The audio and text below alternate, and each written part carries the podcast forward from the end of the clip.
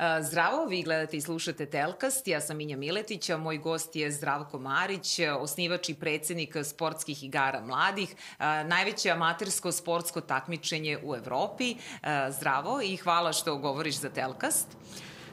I nekako mi se čini ovo je zaista ekskluziva, zato što te nema mnogo u medijima. Zbog čega je to tako? Zašto izbjegavaš medije? Prije svega hvala tebi na pozivu. Pa mislim da je za igre puno bitnije da budu djeca u medijima, ne ja.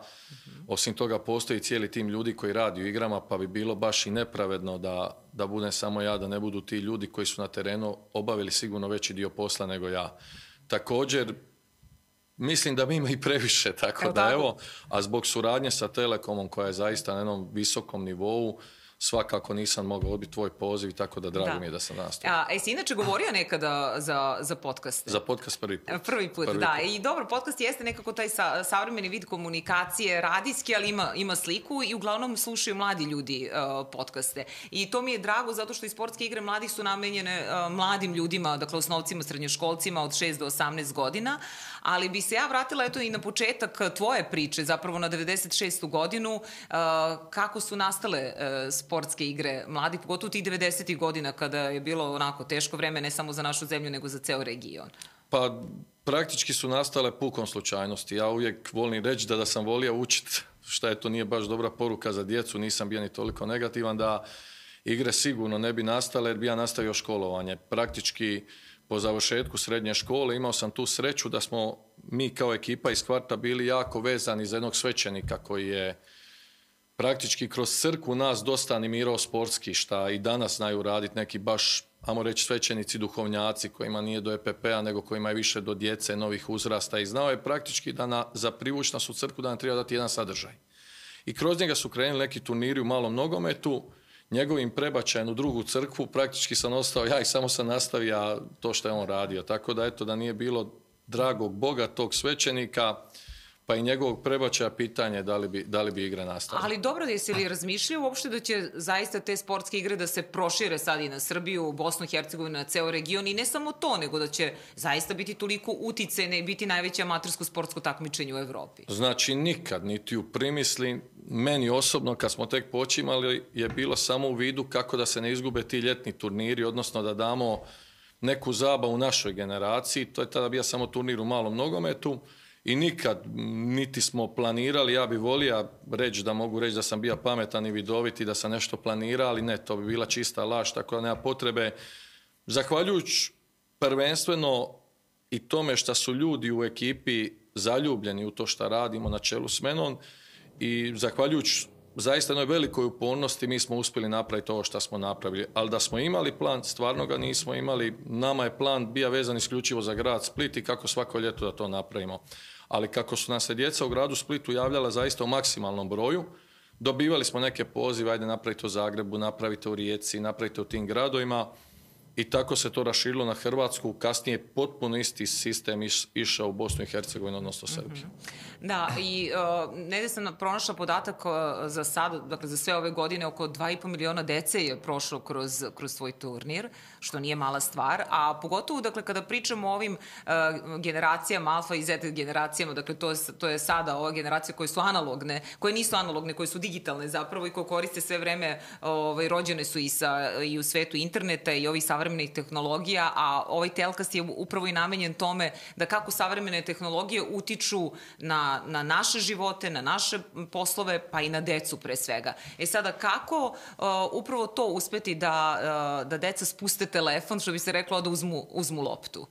Pa gledajte, uh, gledaj, prije svega uh, u samom tom nekom početku i hvala na tom pitanju, mi nismo imali takav problem. Početak igara je bio takav kako djecu biti s ulice privučne igralište, zadnjih, ajmo reći, 15 godina živimo da imamo jedan korak prije. To je kako da ih iskuće pribacite na ulicu pa s ulice na igralište.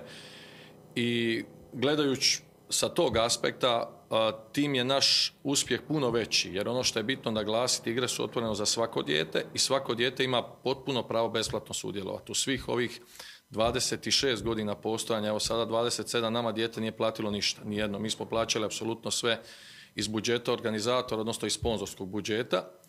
A ovaj dio u kojem se danas nalazimo je takav da zaista radite puno da u igrama tokom samog natjecanja, odnosno mjesec dana prije natjecanja kad skupljamo djecu radi više od 3,5 tisuće ljudi u te tri zemlje koji su animirao djecu na razno razne načine, kroz školske, obavijesti, kroz, eh, eh, tjeles, kroz sad tjelesnog eh, odgoja, Također priko crkva ih isto animiramo, nastojimo, nastojimo zaista doći do svakog djeteta. Pri tome mi imamo jedan problem, odnosno ja osobno, budući da sam ja veliki protivnik e, društvenih mreža, bez kojih nažalost, eto kako kažu i moji sponzori, ne možemo, ali ja mislim da sadržaj koji ide na društvene mreže zaista jako udaljuje djecu. Evo, prije deset dana sam baš čuo novo istraživanje, jer to pratim jako na radiju u Hrvatskoj, imate da dijete od 10. do 16. godine 8 sati provede u prosjeku na mobitelu. Znači, nek 8 sati provede na mobitelu, nek, ajmo reći, 7 ili 8 spava, imate praktički još da jede i to sve, tako da je to po meni jedna pošast koja svima otežava, kako kažu da je ne možemo izbjeći, ja sam svjestan da je ne možemo izbjeći, mislim da ipak moramo pogleda da djeci damo i ovaj fizički e, sadržaj kroz fizičku aktivnost jer također imate, ne znam, podatke u, u Srbiji, ali znam u Hrvatskoj da Hrvatska ima zaista golem, golem problem. Mislim da smo drugi u Europskoj uniji po prekomjernoj tjelesnoj težini mm. djeci. Da, dobro, to jeste, ali e, evo kada si pomenuo to da si protivnik društvenih mreža, je li ima nešto što se tebi desilo pa ti se nije svidilo ili generalno si, si protivnik društvenika mreža? Ne, baš mi se nikad ništa nije desilo, Bogu hvala, nadam se i da i neće, jer nema niti Facebook, niti Instagram, niti jednu društvenu mrežu, niti sam da, nikad pokušala sam da nađem, ali vidjela sam da Nikad, Niti, niti me to privlači, zato što mislim da ništa ne možemo naravno gledati da li je crno ili bijelo, ali ja mislim da je ovoliki tehnološki napredak donio svijetu u globalu ipak puno više negativnosti nego pozitivnosti, jer ima jedna rečenica koju mi je rekao baš čovjek iz Srbije, on kaže problem današnje mladeži je između ostalog to što ni ne požele, a već imaju. Praktički vam je sve dostupno. Ja evo nekad uhvatim sebe, pošto sam veliki ljubitelj sporta, da gledam utakmicu. Dok sam bio dijete, čekao sam sportski pregled ili sportski izvještaj nedjeljom, kao neki desert na taj dan ili deset na vikend, samo da vidim golove ili nešto. Danas uhvatim sebe da ne mogu pogledati ni jednu utakmicu do kraja koliko ima sadržaja a onda praktički još dobijete na mobitele, neko mi šalje, vidi ovaj gol, vidi ovo, vidi ono.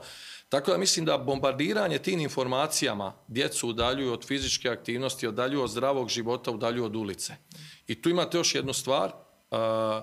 Konkretno, mi smo kao djeca imali tu recimo sreću, padnete, razbijete se, nije ništa, obrišete se i nastavite dalje. Današnja djeca doslovce se ne znam popeti na stolicu, tako da je baš taj pritisak koji imaju dnevno sa tim sadržajem dovodi po meni do više negativnosti nego pozitivnosti. Da, ste morali da, da menjate i strategiju marketingu kako bi ste došli do, do većeg broja dece. I koliko se zapravo sada ove generacije, s obzirom da e, imaš to iskustvo od 27 godina, dakle, kakve su bile nekada generacije, kakve su danas? Da se osjeća upravo to da, da slabije e, su uopšte uključeni u sport. E, mi kad smo bili klinci, ja uvek kažem, non stop smo bili u, po parkovima i razvijali na taj način maštu. Danas je to, to drugačije. Nekad ih i ne razumemo. pa definitivno se osjeća, ja ću reći jedan podatak, kad smo mi radili te prve igre 96. u Splitu, mi smo samo polipili videoklubove, jer je tada ciljno bilo da djeca idu u videoklub po videokazetu. I praktički ste samo polipili videoklubove, imali smo prvu godinu oko 5000 djece u Splitu, što ono bilo neviđeno da ih se toliko prijavilo. Pri tome, jedini način kako da se prijavite je bio način da zovnete na telefon i napravite prijavu. To je bilo, znači, 96. kad ste imali 5000 djece. Danas na igrama, evo, praktički od petka ćemo zatvoriti prijave, imamo 264 tisuće djece za ovu godinu, telefon ne zvoni nikako. Sve vam se dešava preko Facebooka koji nama služe, barem tako kažu moje kolege, ja nikad nisam bio na svom Facebooku, vjerovali ili ne, ili na Instagramu. Oni kažu da to nama služi kooperativni alat jer e, da se mene pita, da nema tog organizacijskog odbora, ja bih ga stvarno, evo da izvinete, ukinija. Ali kažu, znaš, tamo obavijestimo djecu kad igraju, oni se tamo jave, oni to rade. I kažem kolika je razlika. Prije je bilo dovoljno zalijepiti plakate po gradu, Danas uzimamo razno razne TV spotove na svim televizijama, na radio postajama, lijepimo te plakate, čita se obavijest u školi, ali praktički očito je najveći učinak na toj našoj Facebook stranici. upravo to. Ali kada pričamo, eto ja bih se još zadržala malo tim, na tim društvenim mrežama, često se govori o psihologiji u, sportu i taj utjecaj društvenih mreža na, pogotovo na, na omladinu, ehm, koliko i to može da utiče na, na, na decu? To, to pitam i u okviru i vršničkog nasilja, toga ima toliko i na internetu i na tim društvenim mrežama. Vi ste sad i pokrenuli zapravo taj projekat pod tim nazivom e, Pružam ruku, e, ne podmećem Čem nogu. da, da, da. Pa prije svega ja bih tu pohvalio Dunav osiguranje jer je sama ideja krenila od njih. E, operativno tim igara je to prihvatio budući da igra već dugo vremena osim sportskog sadržaja daju djecu i neku edukativnu poruku recimo jako puno radimo sa Coca-Colom o svjesnosti zaštite okoliša, odlaganju e, odlaganju plastičnog otpada u odnosu na drugi otpad. Jako puno radimo sa Ministarstvom unutarnjih poslova Republike Hrvatske, pošto su igre u Hrvatskoj 27 godina i sad su nam se javili odavde kroz e, sigurnost u prometu, kako djeca prelaze pješački prijelaz, e, kako ovi najstariji prije nego što polažu vozački ispit, ovi od 18 godina, kako da voze. Radimo tu jako, jako puno i tako su se javili ljudi iz Dunava sa tom idejom u treći mjesec, u drugi mjesec praktički kad smo krenuli sa natjecanjem i svakako ono što se danas dešava, pogotovo po pitanju vršnjačkog ili generacijskog nasilja je nešto što gdje ja mislim je društvo u globalu, svi segmenti društva su pokazali jednu određenu vrstu nemoći. Mhm. također mislim da je tu opet kažem dobrim dijelom, ne samo to, ali kriv taj sadržaj koji vi ne možete, barem koliko ja znam, e, kontrolirati. Ima jedan poznati trener baš iz Srbije koji je meni rekao prije jedno 15 godina, jer smo tada već pričali o ovome što bi moglo doći. Onda on meni rekao, vi je trener u jednom e, klubu jako poznatom košarkaškom i rekao mi, znaš šta imam problem, mi smo tada već govorili o ovisnosti internetskoj i on meni kaže, znaš da sam ja ima jednog igrača koji je bio veliki ovisnik o video igrama. Kaže, jedan dan me zove njegova žena i, ta, i žena mi kaže, molim vas trener, pomozite meni, suprug non stop igra video igre. Znam primjer zaista jer eto dragi Bog mi je bio milostiv da sam se družio sa vrhunskim sportašima pa znam primjere koliko je to i danas često kod sportaša koji zarađuju enorman novac koji su veliki profesionalci i onda se opet vratite malo u prošlost. Prije ti treneri za iskontrolirati svog igrača, bio junior, kadet ili prva momčad, jer samo treba nazvat kući ga na onaj fiksni telefon i vidi da li je kući. Danas vi kontrolu ne možete ni napraviti jer on je možda kući, ali možda ne spava.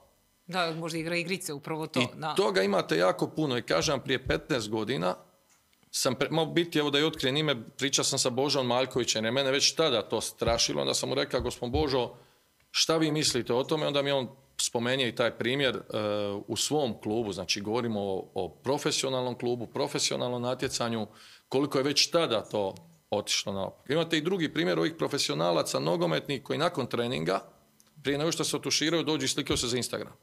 Či znači, po meni, opet vam kažem, da je to jedna stvarno vrsta ovisnosti i taj podatak da su djeca 8 sati na tome, i stvarno to ne možete iskontrolirati, je po meni nešto i zaista stojim iza toga E, teško da mi neko može promijeniti mišljenje da je to donijelo ipak puno više lošega nego dobro. E, Izgubile su se radne taj sportista da, da se odvikne od uh, Ja kasnije nisam u to ulazi, ali sad imate jednog od najplaćenijih svjetskih nogometaša, njega neću imenovat, di su se potrošile goleme pare njegovog kluba, svega.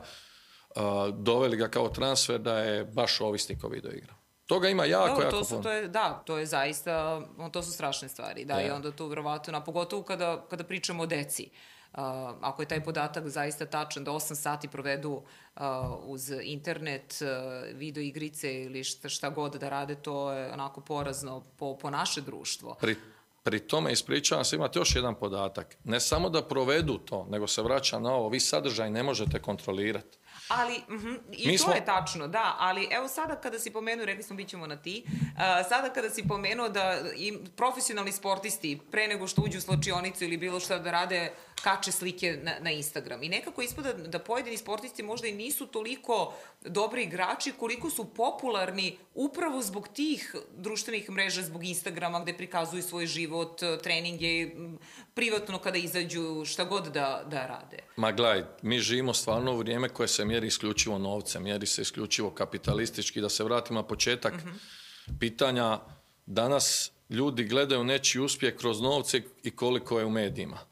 Jedan od razloga zašto ja ne volim ići u medije je i taj da kažem uvijek nakon što negdje budem zovu me ljudi jer misle da mogu sve riješiti. Kad te vide na televiziji kažu evo uspijaju u životu. A pri tome nekad su postojali i kriteriji za dolazak na televiziju, danas se praktički zove svakoga ili milijun programa, treba nekako popuniti program i počevši od mene zovu svakoga, tako da ovaj... Pa dobro, ovdje postoji razlog eh, zašto smo zvali, tako da, to nije, malo kod mene Malo znači se i šalim, ali, ali poanta priče je tada da imaš recimo situaciju koja je kod tih igrača koji su zaradili enorman novac, negdje imaš i situaciju da klubovi hoće da pokrenu eh, svoje društvene mreže, negdje imaš situaciju da oni pokreću sami jer zarađuju još veliki novac na to. Međutim, ključno pitanje po meni je Eh, gdje je nekakva granica. Jer vi ako, ako zarađuješ toliki novac, da li će ti još pomoć da zaradiš na Instagramu ili Facebooku, pa da radi toga gubiš i privatnost. Jer mene su neki stariji ljudi učili da im novac garantira samo slobodu. Postoje neki ljudi koji su mi govorili, slušaj, anoniman i bogat. Ovo što se radi sada, na taj način gubiš apsolutno priliku svake anonimnosti.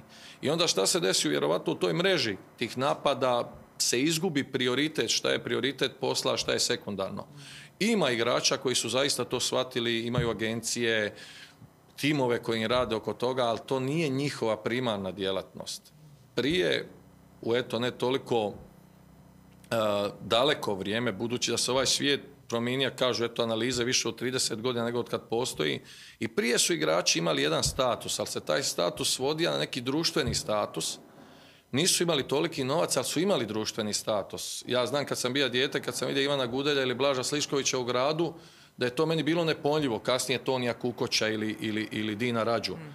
Danas djeca nemaju takve idole kroz to, barem u našim sredinama. Jer vama su idoli jer su dostupli Ronaldo, Messi. Pri tome ova država ili amo uzest ova regija je dala neviđene sportaše koji su na toj razini, ali djeci nisu zanimljivi, nisu imali takav EPP. Imate Nemanju Matića koji je predivan u svakom pogledu, Nemanju Vidića, evo, i ovim putem ovo što radi e, Jokić u NBA ligi, to je gotovo nevjerovatno. Ali recimo taj neki dio koliko ste djeci sa svim tim otvorenim kanalima dali strane sportaše, praktički ste naše i zanemarili. Mm. Da, ali evo sada pomenu si i o Dino Rađa, onda Toni Kukoč. Oni su na početku zapravo tebi dali tu podršku kada si krenuo sa tim sportskim igrama. Pa jesi mi... li jesi li ti bio profesionalni e, sportista? Ne, ja sam trenirao košarku baš iz tih razloga što u, kažu da je to jedino vrijeme kad je ovaj, bilo popularnije trenirati košarku nego nogomet jer jugoplastika osvajala sve živo pa sam tako i ja trenirao košarku i onda Božo Maljković, malo prije spomenuti, uvijek kaže da sam ja morao ovako dogurati jer da sam trenira, parano sam čistija parket i, ovaj, kad je bila neka bolja utakmica da bude šta bliži tim igračima. Nisam nikoga zna. Kad je to krenilo, naravno situacija u Hrvatskoj nije bila dobra gospodarski i mi smo morali naći neki način kako će se financirati to da djeca ne plaćaju ništa. I onda eto tako došli smo da ideju da zovemo sve te sportaše, koji su već do tog trenutka bili prevareni dosta i od svoje rodbine i od drugih poziva, ali eto nekim uvjerljivim nastupom mi smo ih uspjeli sve praktički privući da budu. Kako je to izgledalo? Ajde, molim te mi, opiši taj trenutak. Ti zoveš telefonom ili našao si se recimo sa... Samo sam telefonom. Samo telefonom, dobro. I zoveš i kažeš ja sam taj i taj Koga si prvo zvao od tih velikih? Alena Bokšića. Dobro. Alena Bokšića, čisto zato što sam, kad sam nabavlja te brojeve, onda osoba koja mi je dala brojeve, a nikad ne izdajem taj izvor, on je bio prvi po abecedi. I onda sam ga zvao i za ne faliti, Alen reagira odmah tako da mi je sutra poslao svoju punicu, ovaj, koja mi je donila. Sjećam se to što svi iznosi su bili 2000 maraka. Tada su igre bile relativno nama skupi tada, za taj prvi budžet je to bilo nekih 75 tisuća maraka je bilo teško ko danas 5 milijuna eura. I onda kad smo zvali Alena, kad sam zvao Alena, Alen je već sutra poslao svoju punicu što je meni bilo pa ono neviđeno iznenađenje. A onda kad smo izvali sve druge, jedini pravi problem je bio taj šta prvo u biti bilo i plus varijanti, odnosno na danas plus varijanta je bila što niste imali poruke. Onda ako ga iti malo zanima koga zove, ipak bi se mora javiti. A ja uvijek kažem da je naš adut glasa, ne poruka. Kad vi napišete poruku, on pa oni neće zvati kako zvuči ta poruka, mislim, a, kako ovaj, živimo. Da. A tada se desilo da smo ih sve dobili na taj način. Nije bilo ni web stranice, nije bilo ničega. Morali su vjerovati u tu vjeljivost glasa i onda kad se desila ta prva godina da su nam svi oni bili sponzori, mi smo stvarno od prvog dana to shvatili profesionalno, napravili smo im sve video materijale, pisane materijale, sve gdje je izašlo i sačekali smo i kad je bila prva pauza, svako je čeka nekoga i donijeli smo to da vide. I tu, tu smo dobili recimo neko povjerenje koje je bilo uh, kod njih poljuljano, jer kažem, već tada su oni bili jako puno prevareni, da li namjerno ili nenamjerno, dosta i od svoje rodbine i od svojih prijatelja, jer na svim prostorima, ne samo na našim, kad neko pod navodnike financijski uspije, on dobije apsolutno golem pritisak od svih ljudi sa strane. I dobro, i onda je uh, sledeća zemlja bila Bosna i Hercegovina, je tako? A ste morali, dakle, kada ste dolazili u Bosnu, e, u, u Srbiju, prepostavljam da je bilo teško i razgovarati sa političarima u tom trenutku možda i dobiti njihovu podršku i reći bravo, evo hoćemo to da podržimo. Pa naš model, iako smo mi u Hrvatskoj tada već bili nekoliko godina zaredom proglašeni najveća amaterska sportska manifestacija. U Hrvatskoj smo bili veliko ime. Naš model je bio jer svugdje imamo i TV emisiju našu na nacionalnom kanalu koja je, išla, tada nije bilo ovoliko televizija, išla je na HRT-u na prvom programu kroz dječji program. naš put je bio da svugdje forciramo djecu. na dolazak u Bosnu, odnosno na dolazak u Srbiju, mi smo koristili praktički isti princip Znači, mi imamo ljude koji su izrazito moćni, naši ambasadori, koji meni dan danas kažu, joj, nemoj tako ti zvat, preveliki ste, mi ćemo poslati, odmah ćete zvat, mi kao, ne, mi moramo i mi nešto raditi. Mhm. Naš... Kad kažeš veliki ambasador, tu misliš na Čeferina, misliš na, na, koje ljude? Da pa evo, recimo na Johanesa Hana, na Čeferina, na dosta ljudi, na Peđu Mijatovića, na Slavena Bilića, na predsjednike velikih korporacija koji zaista A to je krenulo kad sa tim velikim imenima? To je pa imali smo, mi smo imali već kad je u Hrvatsku, kad smo se selili iz Hrvatske u Bosnu, iz Hrvatske u Srbiju, već tada je bilo dosta tih evropskih povjerenika koji su za nas stili zvati. Vi danas imate da mi kažete nemojte zvati, evo konkretno bio sam na finalu Lige prvaka u Istanbulu, poznan eh, premijera Slovenije, gospodina Goloba, ja ni ne znam kako čovjek izgleda, upoznam se s njim, on kaže da, da, pričam i vama Johannes Hahn i Aleksandar Čeperin, znam da tribate doći, da dogodne radite Sloveniju. Ispadne da više zna nego ja. ovaj, danas imate da i ja i kaže nemoj, nemojte govoriti bolje ovako, jer zbog čega? Postoje tu praktički dvije stvari. Ja stvarno mislim da niko ne može prezentirati igre ko mi koji smo tamo od osnutka. To je prvo. Drugo, bez da uvrijedi niko, ikoga, današnje preporuke su se doslovce zaista izblijedile. Svako ih daje bez ikakvih, ja prvi, bez ikakvih nekakvih, ajmo reći, dodatnih provjera ili analiza. A treće, kad neko i da preporuku za vas i ta ima obavezu, a i vi. Mhm. I onda sam ja uvijek govorio najbolje da sami zovemo, u I Bosni... ovdje sa kim ste, dobro, evo, reći Bosnu pa posle Srbije. u, Bosni u se desila situacija da smo imali pozive od nekoliko privatnih kompanija da zašto ne napravimo to u Bosni, ko što sad imamo iz Italije, iz Mađarske, iz Makedonije. Pošto smo mi patentirani projekti, možemo dati franšizu, međutim, naš plan je da e, područje bivše zemlje radimo sami. I onda u Bosni smo sjeli sa tim čovjekom koji je dan danas predsjednik igara u Bosni i Hercegovini, Obavili smo te političke razgovore i krenilo je. Tu imate jedan problem koji kad krećete tek bez obzira šta ljudi obećaju i ne kažem da to rade iz zle namjere, obaveze ih odvezu na drugu stranu i zaborave. I tu ako niste uporni, a mi imamo jednu devizu, kažemo, pazite da ne date riječ, ako je date, sigurno ćete održati. To nema, jer mi zovemo svakog, mi nemamo taj problem. A to kad se da ja to volim, onda, to treba da se održi. Tako onda mi radimo na način da kažemo, gledajte, zvaćemo vam i ženu, i dicu, i sve. Jednostavno je to tako, dok pa vam je bolje da nas odbijete. I onda se Bosna desila nakon što smo radili Bosnu koja je sama po sebi iznimno komplicirana. Kad napravite Bosnu, ja mislim da možete raditi sve. Ja mislim da možete raditi Zibabe i Ruandu i Ugandu, sve te zemlje, specifičnu situaciju Bosne, Bosni koja traje godinama je nevjerovatna. I desilo se u Srbiji. Sa kim ste pričali u Srbiji? Prvo sam ja kontaktira uh, Miodraga Rakića, pokojnog, pokojmu duši, jer sam dobio informaciju tada se znalo pričati da je on od šefa šef. Na moje iskustvo sam ja uvijek ljudima govorio, ma dajte, nemojte, pustite mi te priče, neka meni šef pismeno da da mu je on šef. Međutim, ima sam prije jedan običaj dok sam imao više vremena, to je da bi subotom gledao praktički svoj imenik i onda bi zvao tako neke ljude koje nisam dugo zvao i tako sam došao do njega, i zovnio sam ga. Kažu ljudi i dan danas da je njima čudno da se on javio iz prve, a on se stvarno javio iz prve, ja sam mu se prestao, rekao sam radim to i to, ako ne vjerujete može vam sad poslati pismo i Engleska premijer liga i Europska unija, on rekao nema potrebe, djelujete jako uvjerljivo, kad biste došli kod predsjednika. I da mi je termin u četvrtak, sjećam se ko sad bila je subota, ja sam došao u četvrtak, dođem u četvrtak na termin, nema nikoga. Čekajte, to pričamo u vrijeme Borisa Tadića. Da, to je vrijeme Borisa Tadića. Mhm.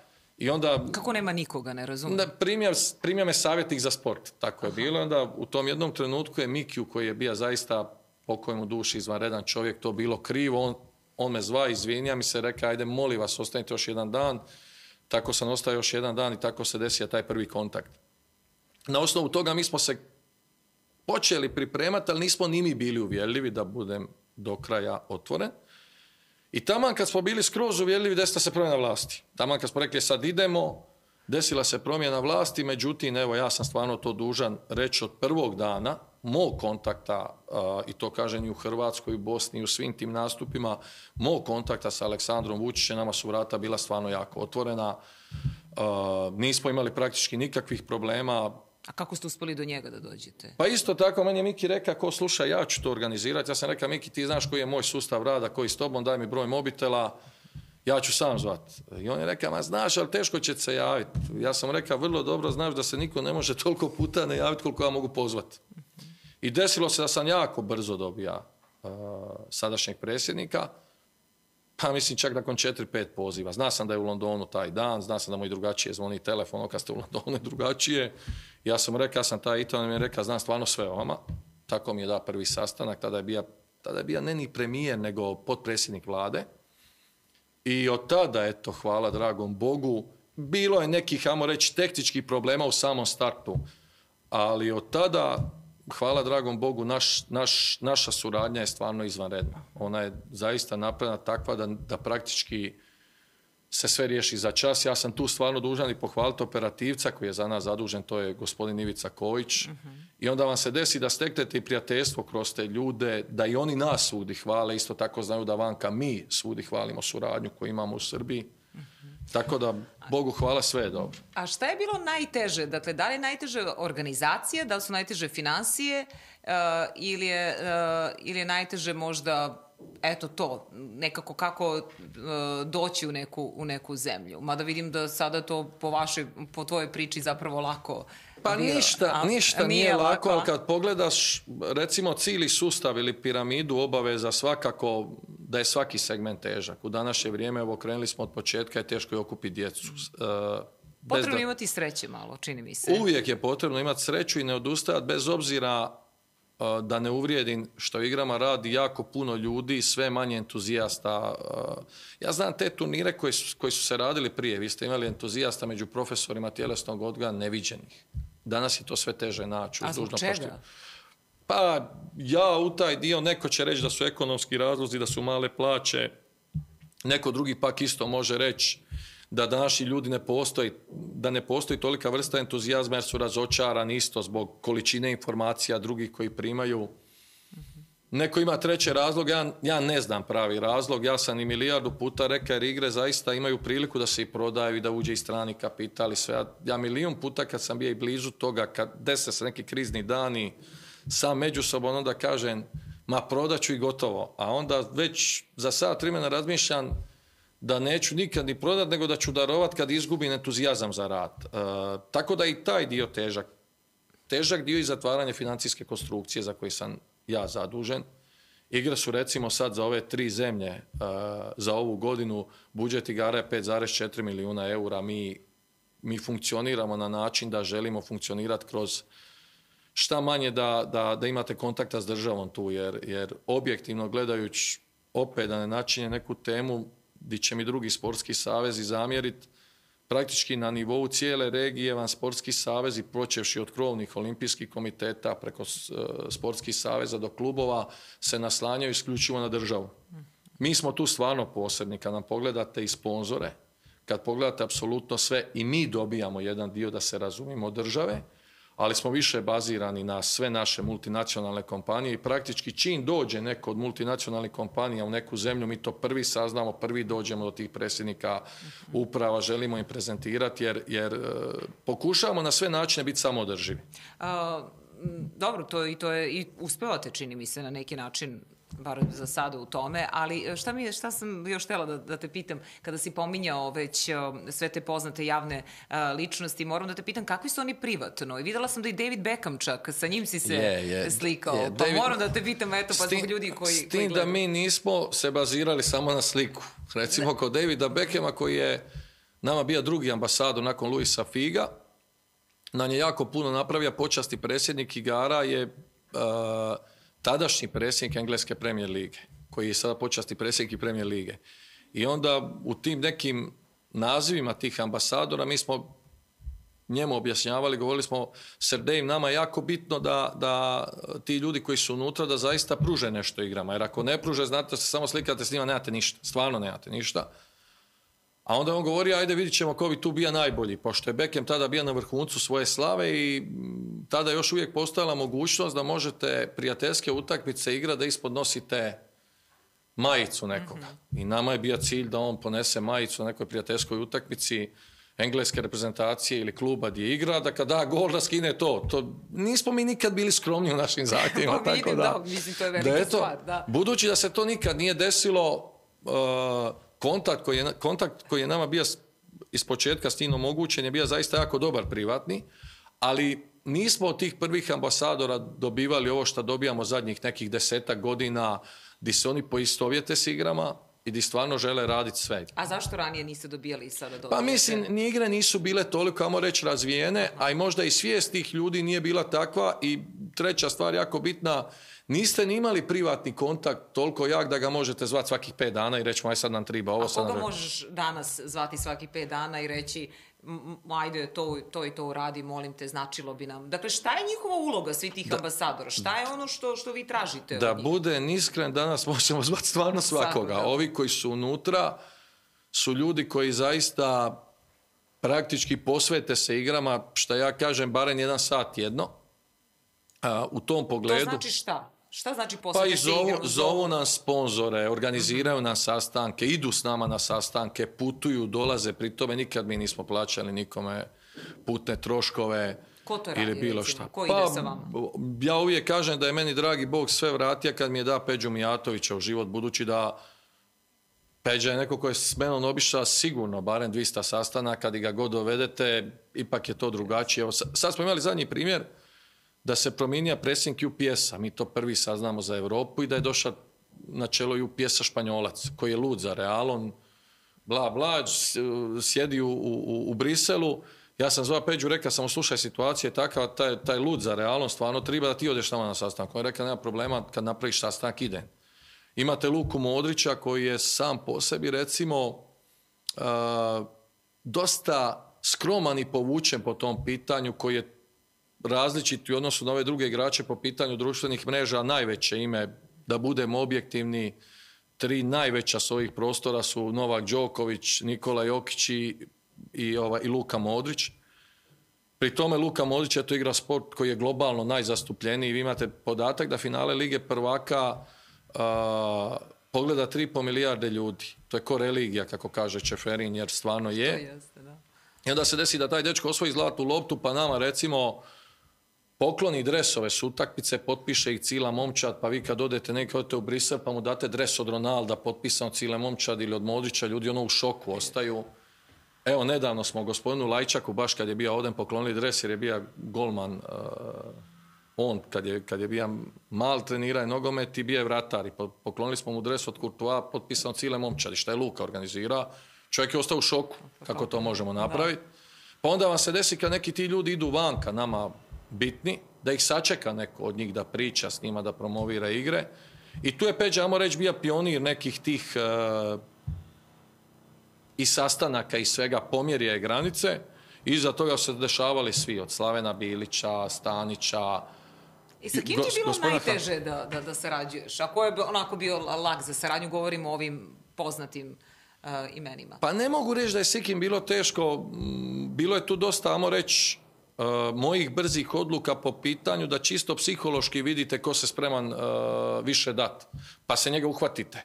Onda di vidiš, možda je taj prvi utisak, eh, ne mora biti dobar, ne mora to šesto čulo biti, jer niko nije napravio ništa protiv, će tu malo ovaj, mm, radiš manji pritisak, odnosno ne sitiš se pozvati ili neke takve stvari, ali evo koristim ovu priliku, evo, meni je trebalo dvije godine da dođem do predsjednika UEFA Aleksandra Čeferina, specifičan je taj put do kojeg se došlo do njega. E, ovo što on radi... nešto što bi pomenuo možda? Taj ma, put... E, sam to, mogu to reći, jer je to dosta ovako smiješno ili ljudima nepojmljivo, a možda dobra poruka koliko je bitno ne odustajat ili držati do nekih svojih stavova, ali od kad je postao ambasador te 2019. to što jedan čovjek radi, to je stvarno nemoguće. Znači, to je nešto di ja kažem i u Briselu, Pri tome to kažem e, povjerenicima koji su nama isto unutra, koji su moćni ljudi, da je moje osobno mišljenje s obzirom na titulu, na poziciju i na sve da je Aleksandar Čeferin sigurno najbolji čovjek na svijetu. Ja to kajem javno iz Bine i sa svega da od te neke socijalnosti koja ima skromnosti, apsolutno svega, su osjećanja prema slabijemu, da je to meni zaista na takvim pozicijama rijetko vidljivo. I to kažem ljudima, ono ljutilo ih ne ljutilo, ja kažem svaka čast svakome, ali... A jesu svi ti veliki ljudi nekako, bar moj utisak tako, da su onako i skromni i normalni i da možeš sa njima da, da razgovaraš? Po meni zavisno kako su došli na tu poziciju, Aha. znate. E, znaš, ljudi kažu ono... E, u politici nema dobrog čovjeka. Ja sam zaista upoznao jako puno dobrih ljudi u politici. Opet je pitanje i puta kako si došao, koliko je znanje bilo, i da se ne zavaramo, ko šta svega ima na Balkanu, ima svega svugdje. I u Briselu, i u Americi, i u Rusiji, ko su dobri političari, Ali recimo, evo to gospodin Johannes Hahn, kojemu je ovo peti mandat u Europskoj uniji, neko ko isto ima sav suosjećaj, e, pogotovo razumi recimo situaciju na Balkanu jer je bio povjerenik za proširenje. On je neko ko stvarno isto ima kako ni srce i dušu ne znam, imamo super suradnju i dan danas i sad smo bili u Istanbulu sa bivšim potpredsjednikom ruske vlade Arkadijom Dvorkovićem, koji je isto super čovjek, koji isto ne pati od toga da mu pošalješ poruku, jer mi smo slabi u slanju poruka općenito i kad upoznaš nekoga inače, naš put je ili telefon pa da se dogovaraš glas, odnosno ne ovaj, da šaljemo poruke i ti ljudi ne pate, kad se ne mogu javiti nazovu te kasnije povratno, pitaju. Tako da to. Ali ono što hoću da te pitam još to je e, i kada ste e, širili, kada ste pravili te sportske igre, krenulo se od malog futbala, sad tu ima između dve vatre i stoni tenis. Kako ste birali uopšte sportove? Koje... Pa mi smo tražili da sportovi budu zastupljeni na način da ga može igrati svako dijete. Znači mi dobijamo pozive od drugih saveza kojima se i ovim putem zahvaljujem, ali ne objasnim da je nemoguće da bude recimo karate u igrama ili tekvando ili mačevanje ili judo jer vi tu ne možete e, dovesti dijete niti po kilaži, niti svako dijete zna pravila. Pravila nogometa, košarke, rukometa, odbojke, odbojke na pijesku, stolnog tenisa, tenisa, šaha, između dvije vatre ili graničara zna apsolutno svako i može igrati svako dijete. I, e, čini mi se da je važno, eto zašto su te društvene mreže, ajde da kažemo nešto i pozitivno, i kada se kače vratno slike sa svim tim e, velikim igračima, čini mi se na taj način možemo da privučemo tu, tu omladinu i decu da se bave sportom. Videla sam jednu tvoju izjavu gde si rekao da je važno, e, osim kroz taj sport da se uči toleranciji, multikulturalnosti i tako dalje, da je važno da deca navijaju za svoj klub, ali da ne mrze drugi. Pa tako je, budući da i to postaje jedan problem kad pogledate objektivno od ovih 2,5 milijuna djece koje su prošla kroz igre bez ove godine, sad će to opet raz za tih 264 tisuće djece, većina njih ipak neće završiti kao sportaši, iako nama, evo, gotovo svi ovi sportaši koji su sad napravili uspjeh sa hrvatskom reprezentacijom u bilo kojem sportu su igrali na igrama. Apsolutno svi. Pitam, da li ima profesionalni sportista ali, ovaj, koji su bili u e, sportskim igrama? Ali većina će njih ipak biti vezana u sport na način da navijaju. Ovo što se danas dešava e, u svim zemljama, znači danas problem sa navijanjem ima jedna Njemačka, ima Engleska, to se vraća, ima svako. I mislim da ta kultura navijanja, da podržavaš svoj klub ili svog pojedinca, da protiv drugoga nemaš ništa je nešto na čemu svi moramo poraditi, kao društvo i kroz medije i kroz sve, jer na taj način ćemo barem onemogućiti e, šta manje incidenata u budućnosti. Da, i e, ono što hoću da, da, da pomenem, to je također da ste e, pokrenuli emisiju Uspeh prvaka sa Marijom Stanićem. napravili ste sjajnu promociju u januaru mesecu ove godine, gdje je isto bio veliki broj spo, sportista, velikih ličnosti to je u produkciji sa Telekomom, tako? tako? pa, me, pa me zanima, dakle, i, i, tu se, i tu je nekako poruka te priče da je zapravo neuspeh sastavni deo svih tih sportista. Da, mi, mi još jedino ne znamo točno pravi naziv emisije, kako ste vi rekli, uspjeh, ali da, neuspeh, uspjeh, da, da. Mi smo stavili, kad se rodila ta ideja, da, ne, da se u biti zove neuspjeh Aha. prvaka s tim da ne bude u zagradi, zagradi odnosno u toj špici se ne razbije i ostane uspjeh. Pravi cilj nam je bio opet bez da uvrijedim današnje roditelje, odnedavno sam i sam roditelj, pa onda uvijek kažem da ta roditeljska ambicija isto dovela do ovih problema, jer je to stvarno nemoguće. E, pravi cilj je bilo prvo roditeljima, a onda i djeci uputiti putokas kako su ti sportaši uspješni došli do ovog nivoa do kojeg su sada. Jer ja kad pričam s puno roditelja mojih prijatelja, čak mene iznenadi koliko su se izgubili oni praktički svakog sportaša gledaju isključivo kroz novčani rezultat. I onda vi imate milijardu ljudi koji meni kažu onako kad idemo, ja da sam na mjestu Luke Modrića, ja bi ovo. Onda ga pita, na šta ti znaš o njegovom mjestu? Aha. Ili ovome. A oni gledaju to, komentiraju i kažu ja bi ovako, ja bi onako. U biti ne znaju šta je put taj sve radija, koliko je to odricanja, koliko je to puno kriza, puno kriznih momenata, puno neuspjeha. I onda smo se sjetili da bi kroz jednu takvu emisiju iskoristili sav taj naš, ajmo ga sad nazvat, sportski networking. Znali smo da će nama svako tit biti gost, u to smo uvjereni, tek sad u nastavku još koji će, koji će sportaši biti gosti, mislim da će to stvarno sve iznenaditi. I dragi Bog je bio toliko milostiv da smo imali sreću da smo, amo to tako nazvat, po pitanju razumijevanja medijskog, eh, talenta voditeljskog, imali veliku sreću da je pristao to raditi Mario Stanić, kojega su tražili svi puno prije nas.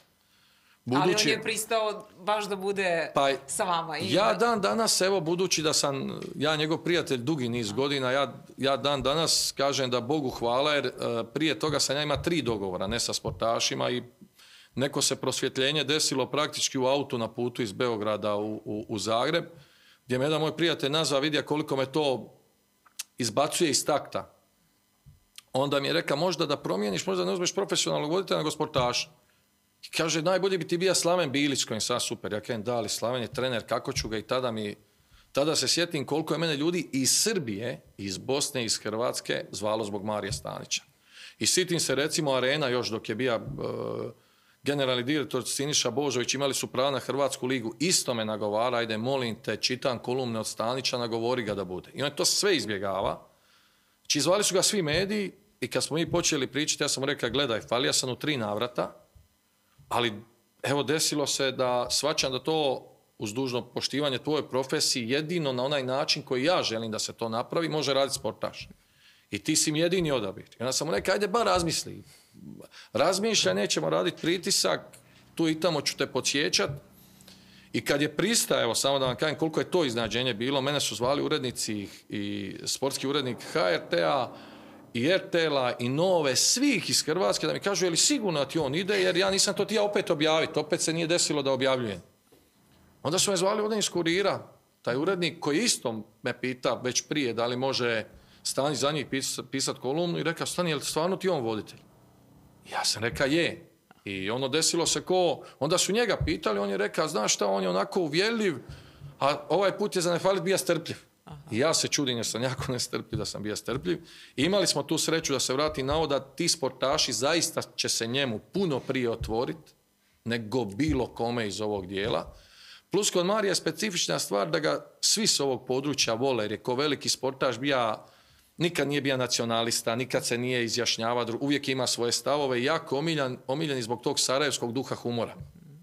I ja mu kažem da je u biti spasija Jer Moji dogovori sa ljudima koji su to trebali prije raditi su bili da ja zovem sportaše jer imam taj dio. Ovo je sad praktički za emisiju da ne radi ništa. Pa to da i Da me spasi, ja stvarno se mogu vratiti na igre i onda, onda se ljudi čude kad vide već sad ko nas ne zna ko su nam gosti, gledanost emisije je jako velika. I dobijamo razno razne upite zašto je ne damo na YouTube, zašto ne radimo. Pa to da pitam, da li planirate možda da stvarno sve te epizode stavite na neki streaming servise, da, da to bude nekako dostupno ili na YouTube ili sad već ne znam. Znači ja sam dužan dvije stvari tu reći. Ja sam u tom poslu kompletno nov. Znači kompletno. Ideja se stvarno rodila praktički od mene i od još nekih ljudi, ali moje znanje s kamerom je bilo praktički da je sve isto. Snimali live ili ne snimali. Ili ka... Nisam bio upućen u to. I nisam ni znao koliki je to posao. Ja sam mislio, gledaj, dovešću sportaša, sidit će sat vremena, daće intervju, idemo kući i to je to. Onda se desilo da kad se malo raširilo da to radimo, a poznavajući taj naš e, networking, da su nas zvali na HRT da, da emisiju damo na HRT. Uh, e, desili su se i pozivi drugih kuća koji su nam čak u nekom financijskom dijelu dali bolje ponude od Telekoma. Međutim, ovim putem moram pohvaliti e, gospodina Vladu Lučića jer je on bio najbrži. Mi smo došli kod njega na sastanak koji je u istom momentu sastanka, to je dobro reka na toj premijeri, reka evo slušajte, ja vam nudim novo ugovor na pet godina, jako me zatekao. I on je rekao u jednom trenutku, samo bi volili da za prodaju na daljna područja smo zajedno, Telekom i, sportske igre. Ja sam rekao, nema problema. Mhm. Mislim, ni to nisam znao, rekao sam, ostanite samo malo da ipak ja zovem odjetnika da ne bi bilo da sam nešto potpisao. I on rekao, slobodno, možeš i vi ste većinski, idemo to tako napraviti. I praktički smo se dogovorili u deset minuta. Iza toga smo mi dobivali još pozive. E, zašto nisi rekao nama, Eh, mi bi te platili više ili ovo. I stvarno je bilo ljudi koji su to htjeli da se razumimo, ali se desilo da je on bio stvarno najkonkretniji. E sad na ovo drugo pitanje, budući da i Telekom surađuje sa jako puno tih svjetskih poznatih platformi, ja kajem dan i ne znam šta je to, a i nama je jedan od ambasadora Nasser Al-Kelaifi koji je na čelu Al Jazeera, odnosno Bina. Bin je najveći kupac TV prava, u, eh, sportski TV prava u svijetu i nama je Nasir već u nekoliko navrata rekao dajte napravite mi, super je koncept emisije, dajte molim vas prevedite mi to da vidimo koliko je to, to interesantno binu. Opet vam kažem da je o tome pojma neman, opet ti kažem da je o tome pojma neman, Ja sam reagirao, pa ajde još ćemo dodatno staviti na YouTube da vidi koliko ljudi to gleda. Međutim, onda su mi ljudi rekli, ako staviš na YouTube svakome je dostupno, ne možeš prodati. I onda smo došli do toga da ćemo sad, evo, uh, zadnja emisija je ovaj zadnji ponedjeljak u, u, u šestom mjesecu i onda radimo šta isto nisam znao, kažu ljeti ti se manje gleda, bolje ti je ne iskoristi to, ja kažem kako manje, ja jedino gledam ljeti. I onda su rekli, ne, to ti se skroz manje gleda ljeti pa i onda ćemo u tom periodu kad ćemo raditi nastavak, a to je četvrtog, devetog, uh, do tada ćemo se valjda koncepcijski složiti u tom pitanju kako ćemo dalje. Sad mi ljudi kažu možeš YouTube ograničiti samo na Balkan, da, da se dalje ne može gledati. Postoje te stvari, ali da budem iskren i da budem fair zbog odnosa koji imamo s Telekomom, sve radimo u dogovoru s njima jer su se zaista pokazali jako fair. I evo za kraj, imaš li neku poruku za, za mlade koji e, gledaju ovo tvoje gostovanje sada? Pa, ja ću tu citirat, jer zaista tako i, i mislim, te goste koji su do sad bili gosti neuspjeha prvaka, bili su, ne znam, od Nemanje Matića, Nemanje Vidića, Darija Srne, Čeferina, Đeke, Peđe Mijatovića, Slavena Bilića. Svi oni kažu praktički ono što je jedino istina, da je zaista sve moguće ako ste ustrajni na tom putu i da zaista ne smijete, od, ne smijete odustati bez obzira na izazove. A ima jedna stvar koju jako često ponavlja Luka Modić, on kaže da najbolje stvari ne dolaze lako, da se za sve treba potruditi. Tako da moja poruka djeci je da se zaista trude, da žive na način da uvijek su spremni upijati nova znanja, da budu jako marljivi i da će uspjeh, bez obzira kakav on bija, da li financijski ili da ste kvalitetnija osoba, sigurno doći sam po sebi. I e, hvala ti mnogo na ovom razgovoru, zaista je bio onako vrlo zanimljiv i inspirativan i puno sreće, nadam se da će vreme e, da, nas posluži ovde zaista sve nas i da ove sportske igre mladi onako budu i proteknu kako treba i na kraju završnica je zapravo u Splitu je, se viore sve tri zastave i to je onako mnogo, mnogo lepo i čini mi se jedino što je dobro ove mlađe generacije nisu opterećene tako prošlošću kao što, kao što smo mi stariji i e, hvala ti što si ovo organizovao, zaista ove sportske igre.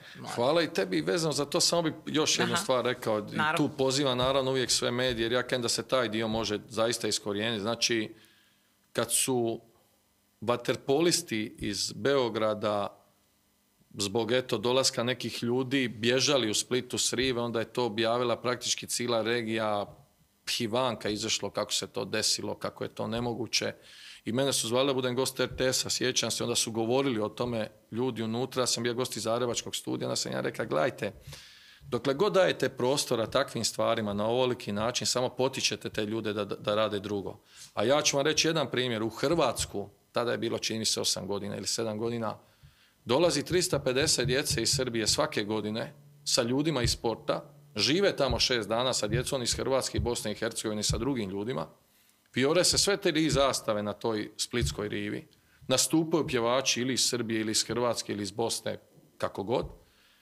I za takve stvari prostora je tisuću puta manje nego za ovakve stvari. Pa ovim putem, evo, pozivam praktički, eto, sve medije da bilo da se radi o kulturnoj suradnji, o zabavnoj suradnji, o sportskoj suradnji, takvih stvari ima puno više nego negativnih stvari ali negativne isplivaju u času sekunde, a do pozitivnih treba se više izboriti. E, pri tome kažem da cijelo društvo treba raditi, mi kao organizatori igara i neki ljudi koji su organizatori festivala ili, ili kulturnih e, predstava ili bilo čega, ali mediji zaista trebaju raditi na tome puno više jer kad takvim stvarima date prostore, prostora to je najbolji put da iskorijenite možda neku anomaliju u budućnosti. Upravo tako i da kroz te društvene mreže eto, da ih barem iskoristimo to, da pokažemo ono što je, što je pozitivno. Tako je. Hvala još jednom. Bio to Zdravko Marić, osnivač i predsjednik sportskih igara mladih.